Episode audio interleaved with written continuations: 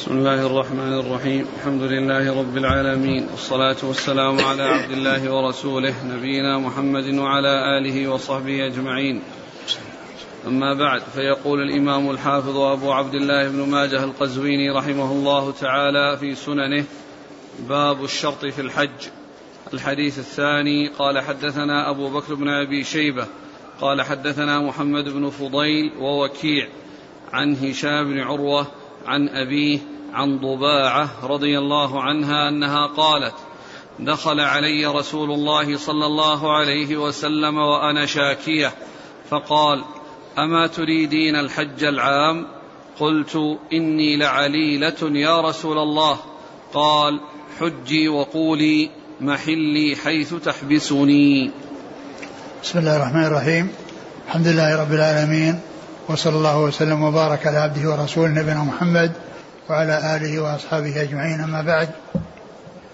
فمر في الدرس الماضي الحديث الأول من الأحاديث المتعلقة بالاشتراط في الحج وكلها تتعلق بقصة طباعه بنت الزبير ابن الزبير بن عبد المطلب ابنة عم رسول الله صلى الله عليه وسلم. وهذا الحديث أورده ابن ماجه عنها وأنها أنه دخل عليها النبي صلى الله عليه وسلم وهي عليلة يعني مريضة شاكية فقال ف فتكلم معها بالعج فقالت إنها إنها عليلة فقال اشترطي يعني قولي محلي حيث حبستني قولي محلي حيث حبستني الله الله فإن حبسني حابس فمحلي حيث حبستني فإنها إذا فعلت ذلك فإن إذا حصل يعني مانع يمنعها من إكمال الحج ومن المضي فيه أو في العمرة فإنها تتحل تفسخ ولا شيء عليها بسبب هذا الشرط. نعم. قال حدثنا أبو بكر بن أبي شيبة. هو عبد الله بن محمد وهو ثقة أخرج أصحاب الكتب إلى الترمذي. عن محمد بن فضيل. وهو بن غزوان صدوق أخرج أصحاب الكتب. ووكيع. وكيع بن الجراح ثقة أخرج أصحاب الكتب. عن هشام بن عروة وهو ثقة أخرج أصحاب الكتب. عن أبيه أبو عروة بن الزبير ثقة أخرج أصحاب الكتب. عن ضباعة أخرج لها أبو داود والنسائي بن ماجه نعم. قال حدثنا أبو بشر بكر بن خلف قال حدثنا أبو عاصم عن ابن جريج قال أخبرني أبو الزبير أنه سمع طاووسا وعكرمة يحدثان عن ابن عباس رضي الله عنهما أنه قال جاءت ضباعة بنت الزبير بن عبد المطلب رضي الله عنها رسول الله صلى الله عليه وسلم فقالت إني امرأة ثقيلة وإني أريد الحج فكيف أهل؟ قال أهلي واشترطي أن محلي حيث حبستني. وهذا أيضا آه الحديث عن ابن عباس رضي الله تعالى عنه في قصة رباعة وهو مثل مثل الذي قبله. وحديث الحديث, في الاشتراط في الحج كله إنما جاء في قصة رباعة وقد جاء في من طرق متعددة وبعض طرقه في الصحيحين نعم والإسناد؟ قال حدثنا أبو بشر بكر بن خلف. هو؟ صدوق في البخاري تعليقا وابو داود بن ماجه. نعم. عن أبي عاصم. أبو عاصم النبيل هو ضحاك بن مقلد وثقة أخرج أصحاب الكتب. والنسخة التي يعني آه التي آه الشيخ ناصر في إسنادها بشر سقط وكذلك أبو في من أبي عاصم آه سقط. يعني في النسخة التي عليها عمل الشيخ مشهور. هذه سقط منها بشر وسقط منها أبو في أبي عاصم. عن ابن جريج. ابن جريج هو عبد الملك بن أبي بن جريج ثقة أخرج أصحاب الكتب. عن أبي الزبير. محمد بن مسلم من تدرس صدوق أخرج أصحاب الكتب. عن طاووس وعكرمة. طاووس بن كيسان ثقة أخرج أصحاب الكتب. وعكرمة هو ابن عباس ثقة أخرج أصحاب الكتب. عن ابن عباس. نعم. فيه قال جاءت ضباعة رسول الله. نعم. والسابق أنه هو الذي دخل عليها. دخل على ضباعة قالت دخل علي رسول الله. ما ندري يعني ال ال هو هو كون كون كونها آه سألت الرسول صلى الله عليه وسلم أو الرسول صلى الله عليه وسلم خاطبها هذا شيء ثابت. لكن أيهما ومعلوم القصة واحدة وليست متعددة. حتى يكون بعضها على كذا وبعضها على كذا. فلا شك أن المحفوظ يعني واحد منها ويحتمل أن يكون أيضا يعني جاء إليها آه، في دارها فجاءت إليه من من داخل البيت يعني محتمل والأمر في ذلك سهل. نعم. قال رحمه الله تعالى باب دخول الحرم. القصة ثابتة. يعني في في الصحيحين. وقد جاء عن الشافعي رحمه الله أنه قال يعني لأنها لم تبلغه القصة من طريق صحيح وقال إن صح الحديث قلت به. قال بعض أصحابه وقد صح الحديث وقد صح الحديث وهو قول الشافعي. والحافظ بن حجر عند شرح هذا الحديث في فتح الباري قال إنه جمع المسائل التي علق فيها الشافعي القول بالحديث على صحته وبين يعني أحكام هذه الأحاديث التي تكلم فيها الشافعي آه، بهذا الكلام. ذكر ذلك الحافظ بن حجر عند شرح حديث الاشتراط في الحج. نعم. قال رحمه الله تعالى باب دخول الحرم. قال حدثنا أبو كريب. قال حدثنا إسماعيل بن صبيح. قال حدثنا مبارك بن حسان أبو عبد الله عن عطاء بن أبي رباح. عن عبد الله بن عباس رضي الله عنهما أنه قال كانت الأنبياء يدخلون مشاة حفاة ويطوفون بالبيت ويقضون المناسك حفاة مشاة. ثم ذكر هذا الحديث باب دخول الحرم. باب دخول الحرم والحرم هو الذي آه، له حدود وله أحكام. أنه لا يصاد صيده ولا يقطع شجره.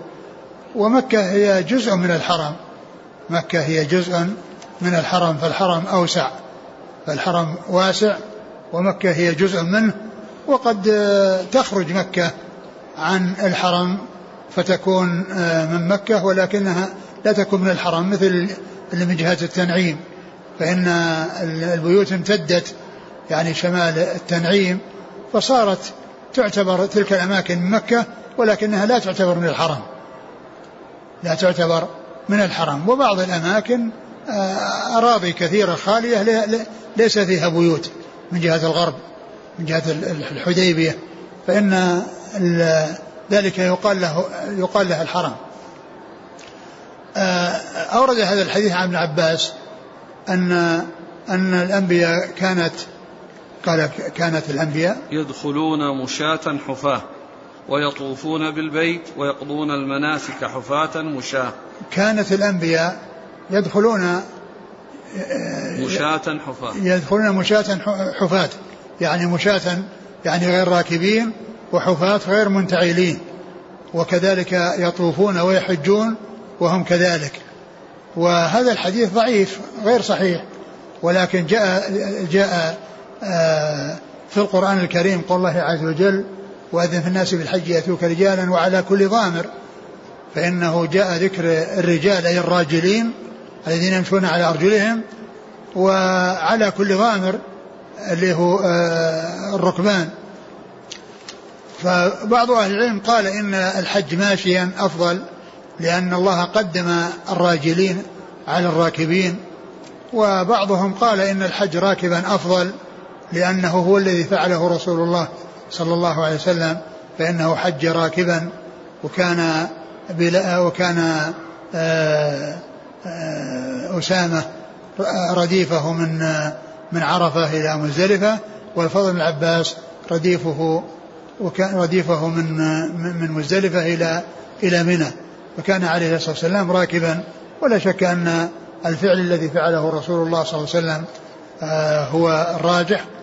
وهذا الذي ذكر من أن الأنبياء يحجون أو أنهم يدخلون الحرم آه، وأنهم يحجون حفاة آه، مشاة هذا غير ثابت عن رسول الله عليه الصلاة والسلام لأن الحديث الذي ورد في ذلك ضعيف. قال حدثنا أبو كريب. محمد بن العلاء بن كريب ثقة أخرج أصحاب الكتب. عن وهو شيخ لأصحاب الكتب. وهو شيخ لأصحاب الكتب. عن إسماعيل بن الصبيح وهو صدوق أخرج له ابن ماجه. نعم. عن مبارك بن حسان. وهو لين الحديث. نعم. أخرج البخاري في المفرد بن ماجه. نعم. عن عطاء بن أبي رباح. وهو ثقة أخرج أصحاب الكتب. عن ابن عباس. قال رحمه الله تعالى باب دخول مكة. قال حدثنا علي بن محمد. قال حدثنا أبو معاوية. قال حدثنا عبيد الله بن عمر. عن نافع عن ابن عمر رضي الله عنهما أن رسول الله صلى الله عليه وسلم كان يدخل مكة من الثنية العليا وإذا خرج خرج من الثنية السفلى. ثم ذكر دخول مكة وأن النبي صلى الله عليه وسلم لما جاء في حجة الوداع دخلها من الثنية العليا وخرج من الثنية السفلى وخرج من الثنية السفلى. فكان مكان قدومه أو طريق قدومه غير طريق خروجه. وقيل لأن ذلك أن أن في ذلك مراعاة السهولة لأنه لما جاء كونه جاء من طريق من جهة عالية وينزل والنزول أسهل من الصعود ثم إنه خرج من الثنية السفلى فكان في ذلك يعني سهولة فيكون ذلك يعني في, في سهولة لدخوله ولخروجه صلى الله عليه وسلم. دخل من الثنية العليا وخرج من الثنية السفلى صلوات الله وسلامه وبركاته عليه. نعم. قال حدثنا علي بن محمد. الطنافسي ثقة أخرج حديث النسائي في مسند علي وابن ماجه. عن أبي معاوية. وهو محمد بن خازم ثقة أخرج أصحاب الكتب. عن عبيد الله بن عمر. وهو العمري المصغر ثقة أخرج أصحاب الكتب. عن نافع عن ابن عمر. نافع مولى بن عمر ثقة أخرج أصحاب الكتب. قال حدثنا علي بن محمد قال حدثنا وكيع قال حدثنا العمري عن نافع عن ابن عمر رضي الله عنهما أن النبي صلى الله عليه وسلم دخل مكة نهارا. أعيد الإسناد.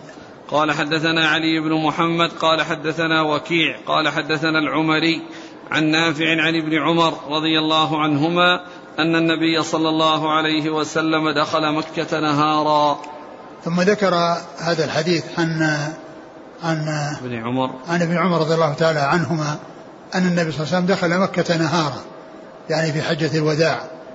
وهذا كونه دخل نهارا ودخل ضحى ثابت في الصحيحين. وجاء في إحدى الطرق عند البخاري رواية الحديث وفيه عبيد الله بن عمر. عبيد الله بن عمر يروي عن عن نافع عن عن ابن عمر ف وهنا العمري مهمل غير منسوب وهو يحتمل أن يكون عبد الله المكبر وهو ضعيف وأن يكون عبد الله المصغر. وقد جاء في والذين خرجوه الذين اللي هو الذين ابن ماجه وكذلك في مسند الإمام أحمد وكذلك أيضا في من خرجه الذين خرجوه ذكروا العمري بدون تنصيص على المكبر والمصغر لكن كما قلت جاء في البخاري من في بعض الطرق الحديث بمعناه وهو عن عبد الله أن النبي صلى الله عليه وسلم بات بذي طوى وأنه دخل مكة صباحا أو في الصباح. فهذا يطابق هذا الحديث الذي جاء فيكون أنه المقصود به المصغر هو الأقرب. ولم أجد يعني نصا على أنه المكبر وإنما جاء العمري مهمل. وبعض الذين تكلموا عن الحديث قالوا أن الحديث ضعيف لأن فيه العمري المكبر. وأنا ما وجدت يعني هذا المكبر يعني في يعني في شيء لا في كله مهمل المصغر العمري. في تحفة الأشراف وفي غيرها. ليس فيه ذكر الذين خرجه ابن ماجه والإمام أحمد وخرجه أيضا الترمذي. ف ليس فيه إلا ذكر العمري وفي تحفة الأشراف ذكر العمري. لكن وجود الحديث عند البخاري من طريق عبيد الله وهو قوله دخل صباحا أو في الصباح بعد ما بات في ذي طوى مطابق لقوله دخلها نهارا. نعم. وسواء كان العمري هو المصغر أو المكبر الحديث صحيح. إن كان من جهة المصغر, فمثل غيره من الأحاديث الأخرى. وإن كان هو المصغر فالإسناد ضعيف والمتن صحيح. لكن ما وجدت من نص على أنه المكبر في الأسانيد. نعم. قال حدثنا محمد بن يحيى قال حدثنا عبد الرزاق قال أنبأنا معمر عن الزهري عن علي بن الحسين عن عمرو بن عثمان عن أسامة بن زيد رضي الله عنهما أنه قال قلت يا رسول الله أين تنزل غدا وذلك في حجته؟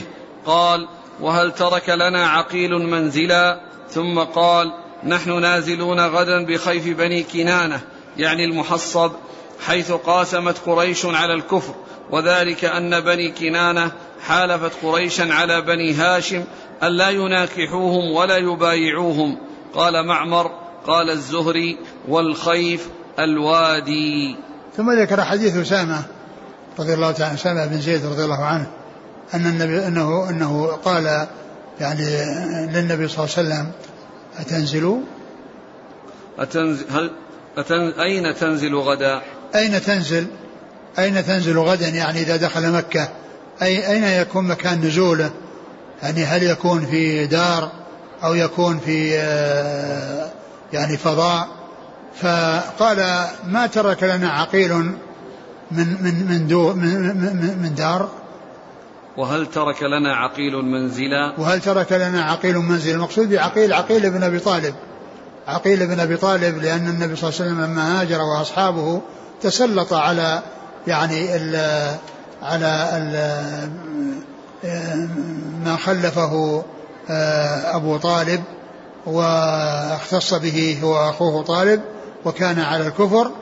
وأما علي وجعفر فإنهما كانا مسلمين ولم يكن لهما ولم يكن لهما ميراث منه لأن المسلم لا يرث الكافر. وعلى هذا فإن الدور التي كانت في مكة كانت ل ل انتهت إلى عقيل بن أبي طالب وهو أسلم بعد ذلك ولكنه في حال كفره قبل أن يسلم ورث أباه أبا, أبا, أبا طالب. والنبي صلى الله عليه وسلم لما قال إنه هل ترك لنا عقيل منزلا؟ وفي في صحيحين من رباع يعني الرباع هي الدور. قال إن نازلون في خيف بني كنانة. نعم. خيف بني حيث قاسمت يعني يتقاسموا على على يعني إذا الرسول صلى الله عليه وسلم وأنهم يعني يطلبون تسليمه لهم ليقتلوه فالله عز وجل نصر نبيه وأظهر دينه ولما جاء إلى مكة عليه الصلاة والسلام للحج فإنه نزل في ذلك المكان الذي حصل فيه حصل حصول القسم منهم والاتفاق على ما اتفقوا عليه من إيذاء بني هاشم و والذين كانوا هم وبن المطلب يعني في مكان واحد. كما جاء في الحديث إنهم كانوا هم وبني المطلب يعني جميعا بني هاشم في جاهلية وفي إسلام. ف ونزول النبي صلى الله عليه وسلم في ذلك المكان الذي آه، كان فيه آه، آه، اجتماعهم وتقاسمهم على إيذاء الرسول صلى الله عليه وسلم والنيل منه الكيد من أصحابه ومن جماعته عليه الصلاة والسلام لإظهار لشكر نعمة الله عز وجل بأنه أعزه الله ونصره فجاء إلى هذا المكان الذي آه، أظهروا فيه قوتهم وعزتهم. والله عز وجل خذلهم وأهلكهم وصارت العزة لله ولرسوله وللمؤمنين. فنزوله فيه لتذكر هذه النعمة وهي أنه حصول حصول العزة والتمكين له بعد ما حصل لأولئك في هذا المكان آه، آه، الاتفاق على إيذاء الرسول صلى الله عليه وسلم والحاق الضرر به وبكل من له علاقة به. نعم. قال حدثنا محمد بن يحيى. الذهلي ثقة أخرجه البخاري ومسلم وأصحاب السنة. عن عبد الرزاق. ابن همام الصنعاني ثقة أخرج أصحاب الكتب. عن معمر. معمر بن راشد ثقة أخرج أصحاب الكتب. عن الزهري. محمد بن مسلم بن عبد الله ثقة أخرج أصحاب الكتب. عن علي بن الحسين. هو هو زين العابدين ثقة أخرج أصحاب الكتب. عن عمرو بن عثمان. عن عمرو بن عثمان بن عفان ثقة أخرج أصحاب الكتب. عن أسامة بن زيد. رضي الله عنهما أخرج له أصحاب الكتب. قال رحمه الله تعالى باب استلام الحجر. قال حدثنا أبو بكر بن أبي شيبة وعلي بن محمد. قال حدثنا أبو معاوية. قال حدثنا عاصم الأحول. عن عبد الله بن سرجس رضي الله عنه أنه قال رأيت الأصيلع عمر بن الخطاب رضي الله عنه يقبل الحجر ويقول إني لأقبلك وإني لأعلم أنك حجر لا تضر ولا تنفع ولولا أني رأيت رسول الله صلى الله عليه وسلم يقبلك ما قبلتك. ثم ذكر استلام الحجر. والحجر آه، هو الحجر الأسود في آه، زاوية من زوايا الكعبة. الزاوية المجاورة للباب والتي هي من جهة المشرق ومن جهة المسعى.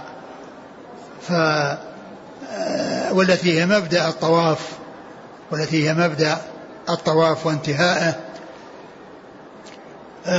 يشرع ويستحب استلام الحجر الأسود عندما التمكن من ذلك وعدم حصول ضرر. في, في, في, في, في طريق الوصول إليه لأن آه، استلامه حكمه مستحب ليس بواجب وإنما هو مستحب وإنما يفعل ذلك إذا لم يحصل هناك ضرر بالوصول إليه. أما إذا كان الوصول إليه يترتب عليه ضرر بإلحاقه, بأحد من الناس فإنه فإن إلحاق الضرر حرام ولا يفعل المحرم من أجل الوصول إلى أمر مستحب.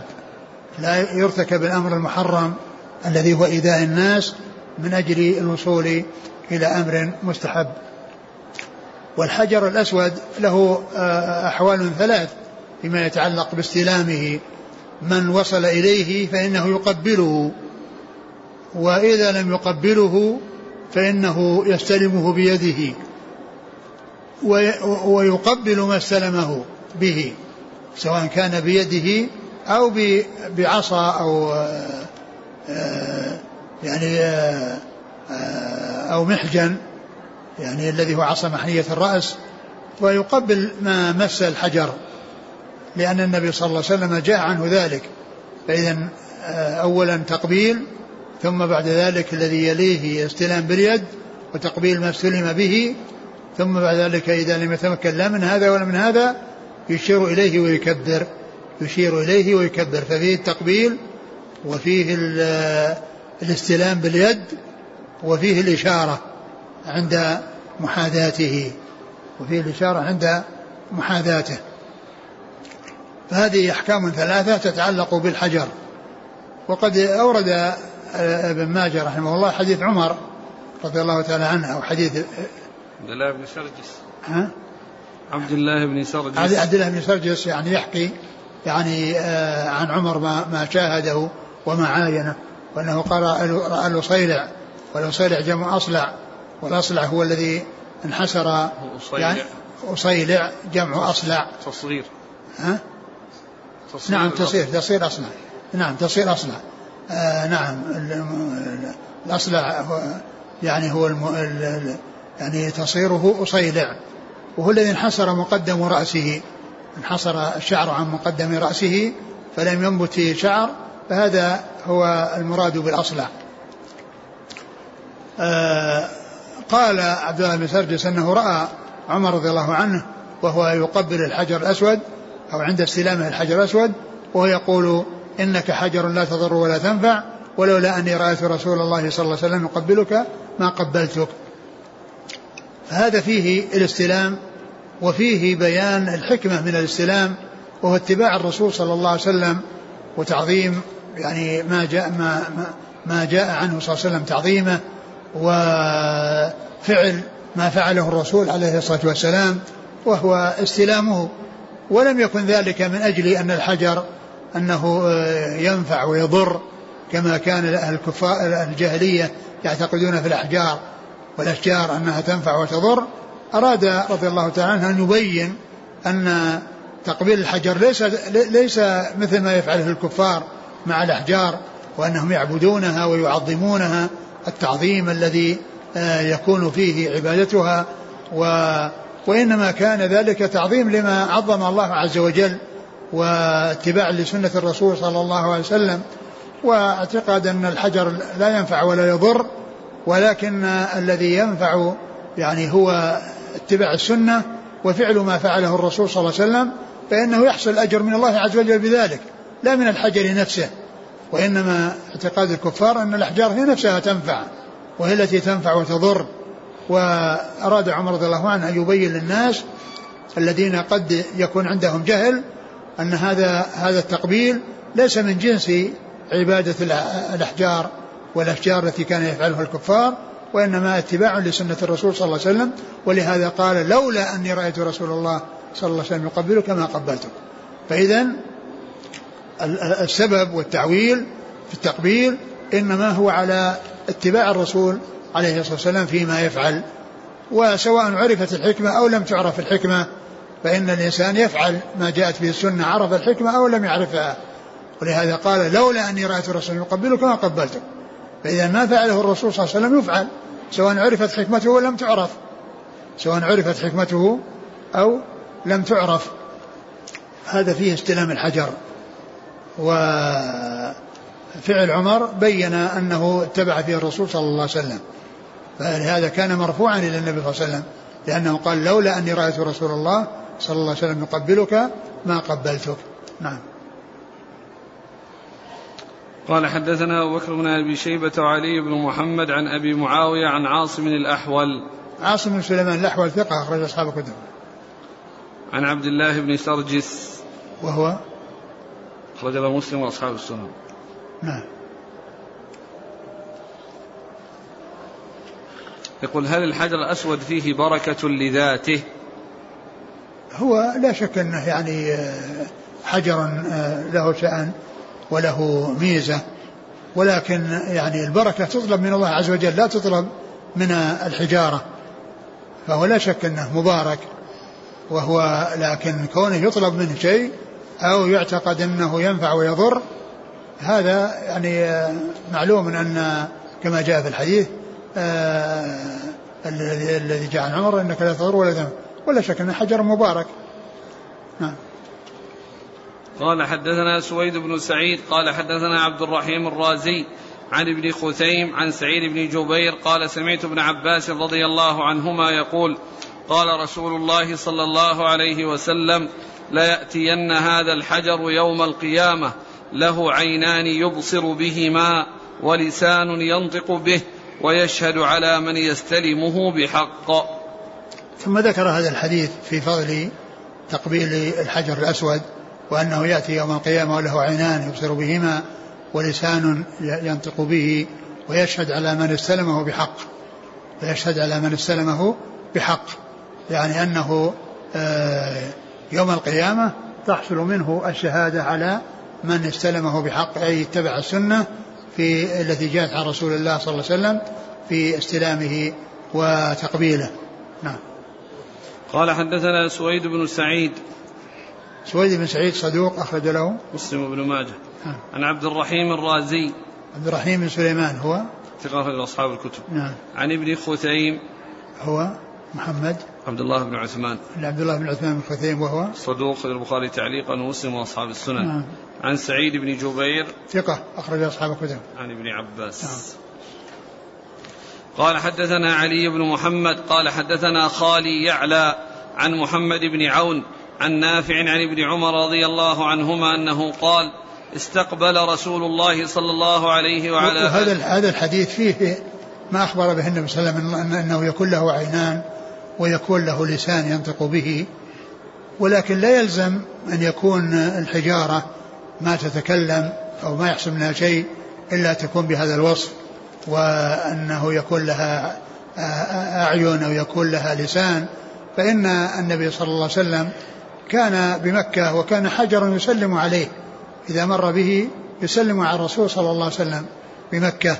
وهذا لا يلزم منه أن يكون هذا الكلام إنما يكون بما هو مشاهد معاين بالنسبة للمخلوقين فإن الله عز وجل على كل شيء قدير وهو ينطق الحجارة وتتكلم الحجارة وكما آآ آآ سمع ذلك رسول الله صلى الله عليه وسلم من ذلك الحجر.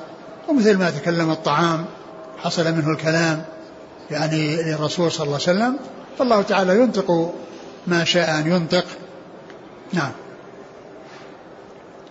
قال حدثنا علي بن محمد قال حدثنا خالي يعلى عن محمد بن عون عن نافع عن ابن عمر رضي الله عنهما أنه قال استقبل رسول الله صلى الله عليه وعلى آله وسلم الحجر ثم وضع شفتيه عليه يبكي طويلا ثم التفت فإذا هو بعمر ثم التفت فإذا هو بعمر بن الخطاب يبكي فقال يا عمر ها هنا تسكب العبرات. ثم ذكر هذا الحديث أن النبي صلى الله عليه وسلم أقبل على الحجر يقبله ويبكي وإذا عمر كذلك يبكي فقال يا عمر ها هنا تسكب العبرات. يعني العبرات الدموع التي تكون من العيون بسبب الخشية لله عز وجل. لكن الحديث هذا غير صحيح لأن فيه محمد بن عون وهو متروك. نعم. قال حدثنا علي بن محمد عن خاله يعلى. يعلى بن عبيد الطنافسي وهو ثقة أخرج أصحاب الكتب. نعم. عن محمد بن عون. وهو متروك أخرج له. ابن ماجه. نعم. عن نافع عن ابن عمر. نعم.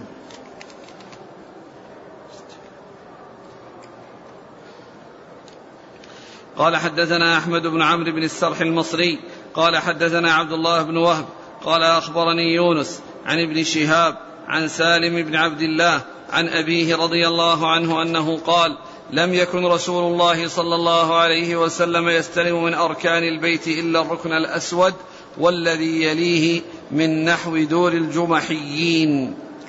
ثم ذكر هذا الحديث عن ابن عمر أن النبي صلى الله عليه وسلم لم يستلم من الأركان أركان البيت إلا الركنين اليمانيين.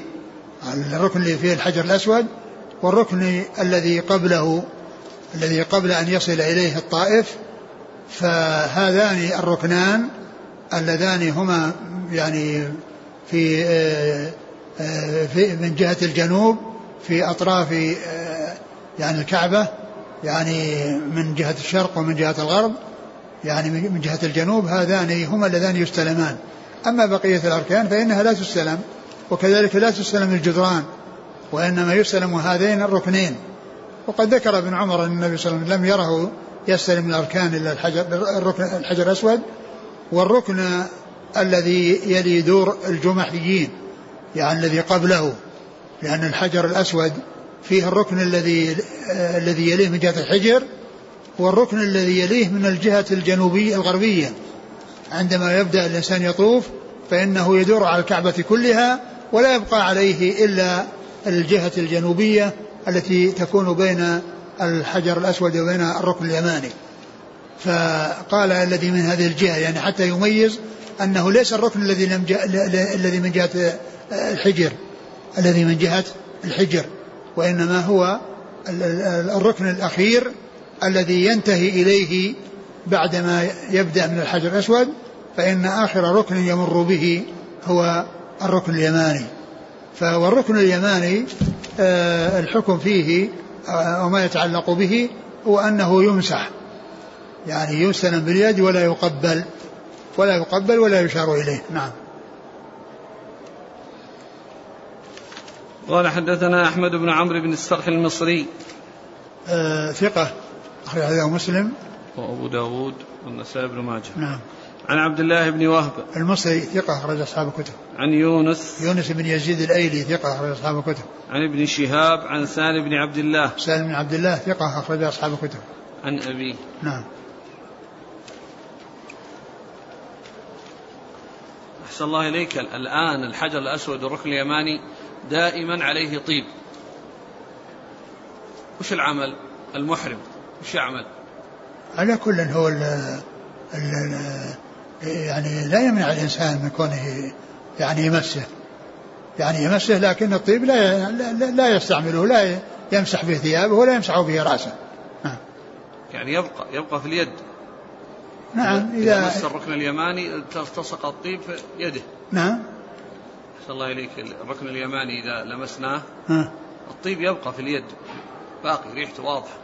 على كل يعني الإنسان إذا إذا استلمه وصار فيه طيب وعلق به لا يضره لأنه ما قصد الطيب قصد استعمال لكن هذا الطيب الذي علق بيده لا يشمه إذا كان يعني محرما ولا يعني آه، يجعله على على رأسه وعلى وجهه. أما إذا كان غير محرم الأمر واسع ما في مشكلة. إذا كان غير محرم لا إشكال فيه لا إشكال في الطيب. أحسن الله إليك قاعدة قضية المحرم. يعني بعض الإخوة يقول هذا الآن سنة استلامه سنة وهو سيؤدي إلى محظور محظورات على كل إنسان قد قد لا يكون عنده علم بالطيب إلا إذا إلا إذا مسعه. أما من علم هل يقال والله الذي يبدو الذي يبدو أنه يعني يمسح أنه يمسح يعني يفعل السنة والطيب هذا يعني هو ما أراد أن يتطيب وإنما أراد أن يفعل السنة التي هي الاستلام لكنه إذا كان محرما لا يمسح به آه، جسده ولا يمسح به ثيابه.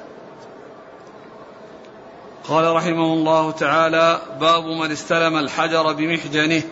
قال حدثنا محمد بن عبد الله بن نمير. قال حدثنا يونس بن بكير. قال حدثنا محمد بن إسحاق عن محمد بن جعفر بن الزبير عن عبيد الله بن عبد الله بن أبي ثور عن صفية بنت شيبة رضي الله عنها أنها قالت لما أطمأن رسول الله صلى الله عليه وسلم عام الفتح طاف على بعيره يستلم الركن بمحجن بيده ثم دخل الكعبة فوجد فيها حمامة حمامة عيدان فكسرها ثم قام على باب الكعبة فرمى بها وأنا أنظره. ثم ذكر هذا الحديث باب استلام من استلم الحجر بمحجن. باب من استلم الحجر بمحجن. المحجن هو عصا محنية الرأس. المحجن هو عصا محنية الرأس. والرسول صلى الله عليه وسلم كان يستلمه وهو راكب. يعني كان راكبا على بعير وطاف على بعير وكان يستلم الركن بمحجن. صلوات الله وسلامه وبركاته عليه. ثم أيضا جاءت السنة أنه يقبل ما استلم به سواء استلم باليد أو بالمحجن. استلم باليد فإنها تقبل اليد أو المحجن فإنه يقبل المحجن. ف آه، عام الفتح آه، طاف طاف على بعير. لما اطمأن صلى الله عليه وسلم عام الفتح طاف على بعيره يستلم الركن بمحجن نعم. بيده. نعم. يستلم المحجن كان بيده وهو راكب يعني لا يصل إلى الحجر فكان يصل آه، بواسطة المحجن نعم.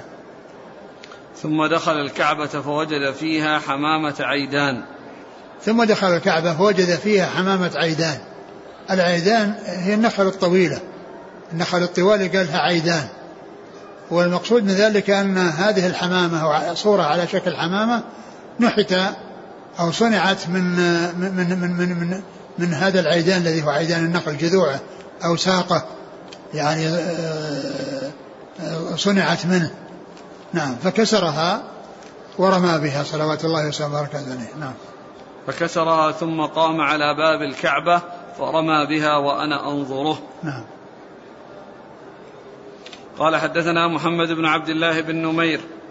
ثقة أخرج أصحاب الكتب. عن يونس بن بكير. وهو؟ صدوق يخطئ أخرج البخاري تعليقا ومسلم وأبو داود والترمذي وابن ماجه. نعم. عن محمد بن إسحاق. وهو صدوق. وهو آه، صدوق أخرجه البخاري تعليقا ومسلم وأصحاب السنن. وهو قد آه، روى بالعنعنة هنا ولكنه صرح بالتحديث في سنن أبي داود. نعم. عن محمد بن جعفر بن الزبير. وهو؟ ثقة أخرجه أصحاب الكتب. نعم. عن عبيد الله بن عبد الله بن أبي ثور. وهو؟ ثقة أخرجه أصحاب الكتب. نعم. عن صفية بنت شيبة. أخرج لها. أصحاب الكتب. نعم. قال حدثنا أحمد بن عمرو بن السرح قال أنبأنا عبد الله بن وهب عن يونس عن ابن شهاب عن عبيد الله بن عبد الله عن ابن عباس رضي الله عنهما أن النبي صلى الله عليه وسلم طاف في حجة الوداع على بعير يستلم الركن بمحجن. ثم ذكر حديث ابن عباس وأن النبي صلى الله عليه وسلم طاف في حجة الوداع على بعير يستلم الركن بمحجن. نعم وهو مثل الذي قبله. نعم. لكن هذا حجة الوداع. وذاك في عام الفتح. يعني ذاك بدون عمرة يعني طواف نفل نعم. نعم. طواف نفل نعم صحيح. طواف نفل لأنه ما كان ما كان محرما. وإنما دخل مكة بغير إحرام وطاف وهو غير محرم. وأما هذا في حجة الوداع وهو, وهو, وهو محرم. نعم. قوله يستلم الركن. يشمل الركنين. لا. الذي يبدو أنه الركن الحجر الأسود. و الركن ما الركن ذاك يمسح فقط الذي ورد في حق المسح. وما جاء أنه يستلم بمحجن وإنما الذي جاء الحجر الأسود أنه كان يستلمه ويقبل أيضا ما استلم به. هل علم في أي طواف؟ ما أدري هل هو في طواف طواف القدوم أو أنه طواف طواف الإفاضة لا أدري. لأن طواف الرسول صلى الله عليه وسلم كان في القدوم وفي الإفاضة نعم والوداع وكذلك الوداع لكنه مو بال الاستلام ما كان في الوداع إما بالقدوم أو بالإفاضة يوم العيد. الوداع ما في استلام؟ إلا بس إنه ما كان على بعير. قال حدثنا أحمد بن عمرو بن السر والاستلام يكون في جميع الاطوفه. الاستلام في أي طواف سواء كان فرضا أو واجبا أو مستحبا يعني الاستلام مشروع فيه. نعم. قال حدثنا أحمد بن عمرو بن السرح عن عبد الله بن وهب عن يونس عن ابن شهاب عن عبيد الله بن عبد الله. هو بن عتبة بن مسعود ثقة فقيه أحد فقهاء المدينة السبعة في عصر التابعين اخرج أصحاب الكتب. عن ابن عباس. نعم. ما حدده؟ الحديث الثاني شوف اللي بعده. قال حدثنا علي بن محمد قال حدثنا وكيع حا قال حدثنا هدية بن عبد الوهاب قال حدثنا الفضل بن موسى قال حدثنا معروف بن خربوذ المكي قال سمعت أبا الطفيل عامر بن واثلة رضي الله عنه قال رأيت النبي صلى الله عليه وسلم يطوف بالبيت على راحلته يستلم الركن بمحجنه ويقبل المحجن. ثم ذكر حديث أبو الطفيل وأنه رأى النبي صلى الله عليه وسلم يطوف بالبيت على بعيره. على ها؟ نعم على راحلته. على راحلته ويستلم الركن المحجن ويقبل المحجن يعني يقبل ما استلمه به. نعم. قال حدثنا علي بن محمد عن وكيع حا قال حدثنا هدية بن عبد الوهاب. هو؟ صدوق ربما وهم أخرج له ابن ماجه. عن الفضل بن موسى وهو ثقة أخرج أصحاب الكتب. عن معروف بن خربوذ وهو صدوق أخرج له. البخاري ومسلم وداود بن ماجه. نعم. عن أبي الطفيل عامر بن واثلة رضي الله عنه أخرج أصحاب الكتب. قال رحمه الله تعالى باب الرمل حول البيت. قال حدثنا محمد بن عبد الله بن نمير. قال حدثنا أحمد بن بشير. حا قال وحدثنا علي بن محمد. قال حدثنا محمد بن عبيد. قال حدثنا عبيد الله بن عمر عن نافع عن ابن عمر رضي الله عنهما أن رسول الله صلى الله عليه وسلم كان إذا طاف بالبيت الطواف الأول رمل ثلاثة ومشى أربعة من الح... الحجر من الحجر إلى الحجر وكان ابن عمر يفعله.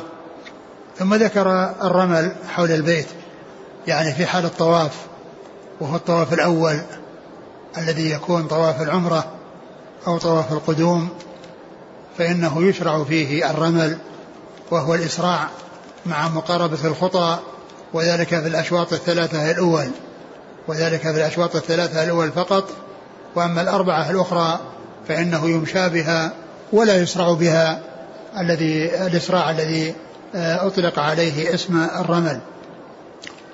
آه، أورد ابن ماجه هذا الحديث عن ابن عمر قال أن الرسول صلى الله عليه وسلم كان إذا طاف بالبيت الطواف الأول رمل ثلاثة ومشى أربعة من الحجر إلى نعم الحجر. نعم كان إذا طاف بالبيت الطواف الأول الذي هو طواف القدوم أو طواف العمرة فإنه يرمل من الحجر إلى الحجر يرمل من الحجر إلى الحجر.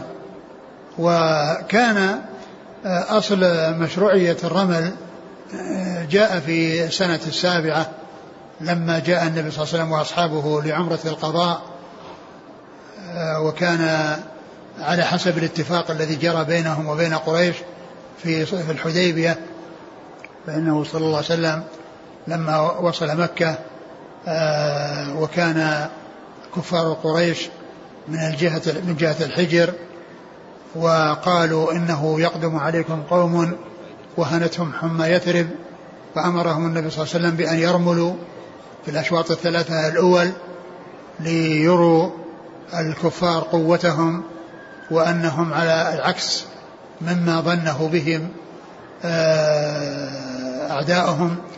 وهذا يدخل تحت قوله صلى الله عليه وسلم في الحديث الحرب خدعة فإن كون المسلمين يعني يظهرون القوة وإن كان فيهم شيء من الضعف أو الهزال فإن هذا أمر مطلوب منهم حتى آه، يعني آه، يروا عدوهم أنهم أقوياء وأنهم ليسوا ضعفاء وإن كان فيهم شيء من الضعف. فهو داخل تحت قوله صلى الله عليه وسلم في الحديث الصحيح الحرب خدعة. ولكنه صلى الله عليه وسلم لما آه، طافوا ذلك الطواف فإذا كانوا بين الحجر الأسود والركن اليماني أمرهم بأن يمشوا. من أجل يعني يعني يعني التخفيف عليهم وعدم المشقة عليهم. ولكنه صلى الله عليه وسلم بعد ذلك رمل من الحجر إلى الحجر. يعني بعد عمرة القضاء آه، كان إذا طاف الطواف الأول يرمل من الحجر إلى الحجر يعني آه، ثلاثة أشواط كاملة يعني من الحجر إلى الحجر. فأصل مشروعية الرمل كان في عمرة القضية وكان الرمل في ثلاث جهات وجهة واحدة فيها المشي بدون إسراع وكان القصد من ذلك التخفيف عليهم وثم بقي ذلك الحكم الذي هو الرمل بعد أن أعز الله آه، آه، المسلمين وذلك لأن في فيه تذكير وتذكر لنعمة الله عز وجل على عباده بكونه أعزهم وأنه نصر دينه وأظهر نبيه صلى الله عليه وسلم وقد كان في في أول الأمر عند المسلمين شيء من الضعف وليست عندهم القوة وإنما نصرهم الله عز وجل وأظهر دينه فكان أصل الرمل على هذا الوصف الذي هو إظهار القوة للكفار وبعد ذلك استمر هذا الحكم لأن فيه تذكير بهذه بهذا الذي حصل وأن الله تعالى أعزهم ونصرهم وجعل الغلبة لهم على أعدائهم. نعم. وكان ابن عمر يفعله؟ وكان ما يفعله يعني يرمل مثل ما فعل الرسول صلى الله عليه وسلم. قال حدثنا محمد بن عبد الله بن نمير ثقة أخرج أصحاب الكتب عن أحمد بن بشير هو صدوق له أوهام البخاري الترمذي بن ماجه. نعم. قال وحدثنا علي بن محمد عن محمد بن عبيد. محمد بن عبيد الطنافسي.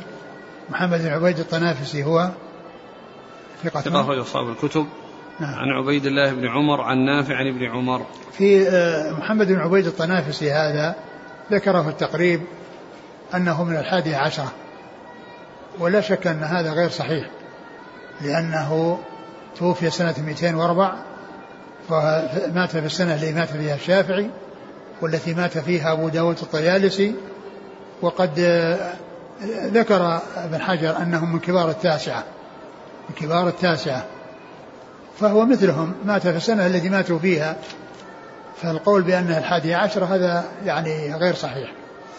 والأقرب أنه مثل ما قال عن الشافعي وقال عن آه، أبي داود الطيالسي أن أنهم من الطبقة التاسعة.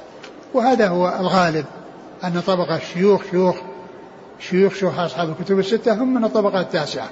نعم.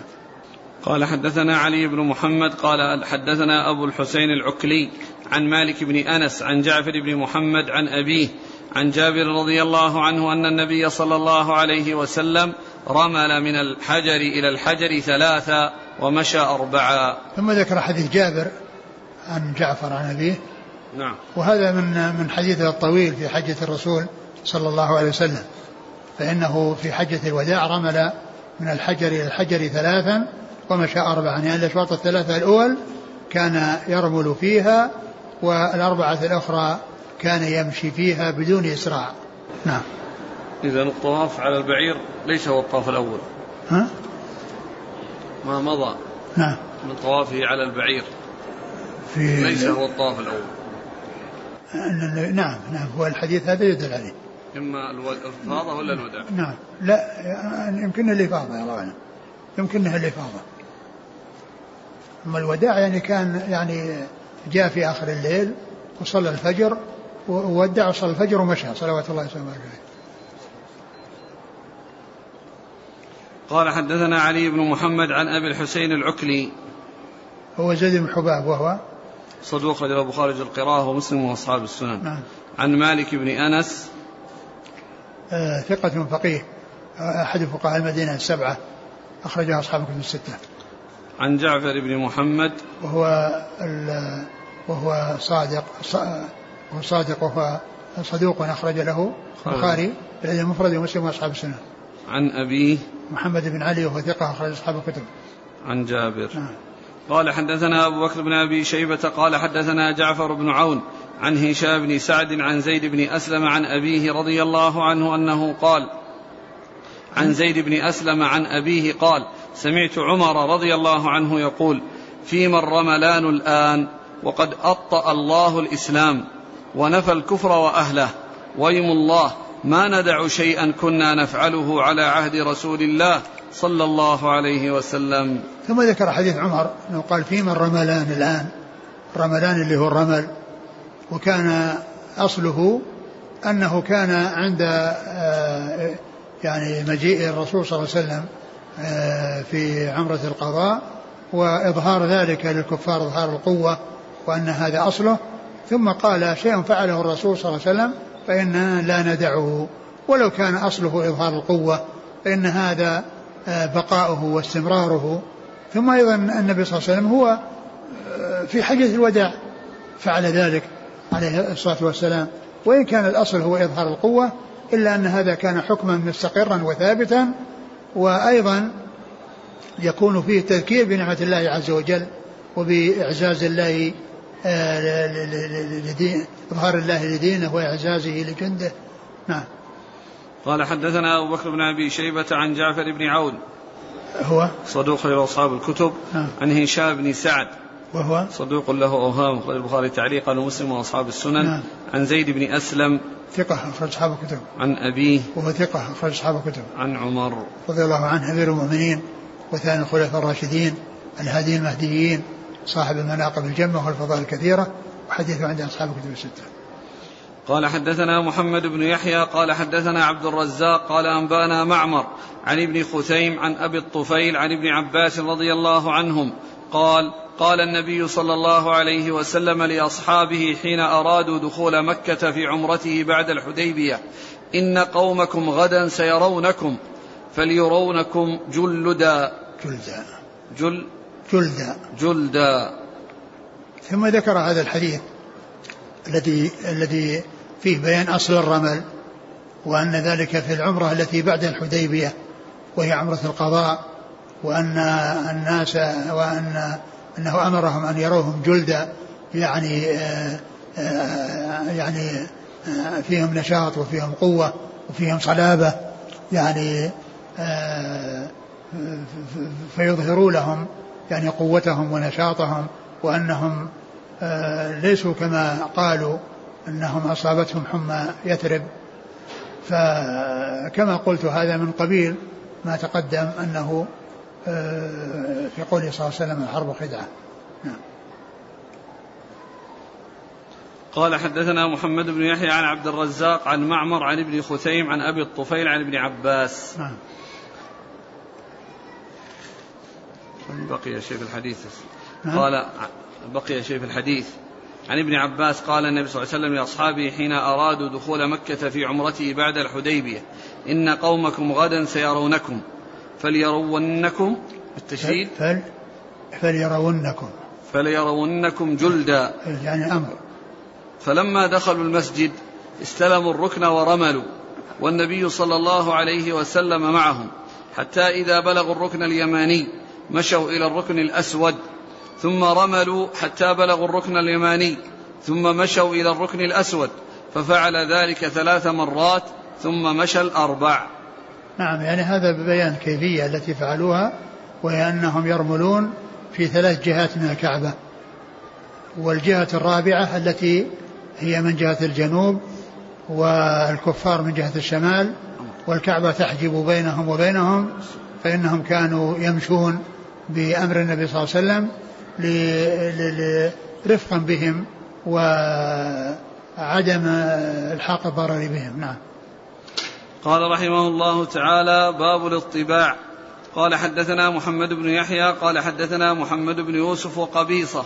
قال حدثنا سفيان عن ابن جريج عن عبد الحميد عن ابن يعلى بن أمية عن أبيه يعلى رضي الله عنه أن النبي صلى الله عليه وسلم طاف مضطبعا. قال قبيصة وعليه برد.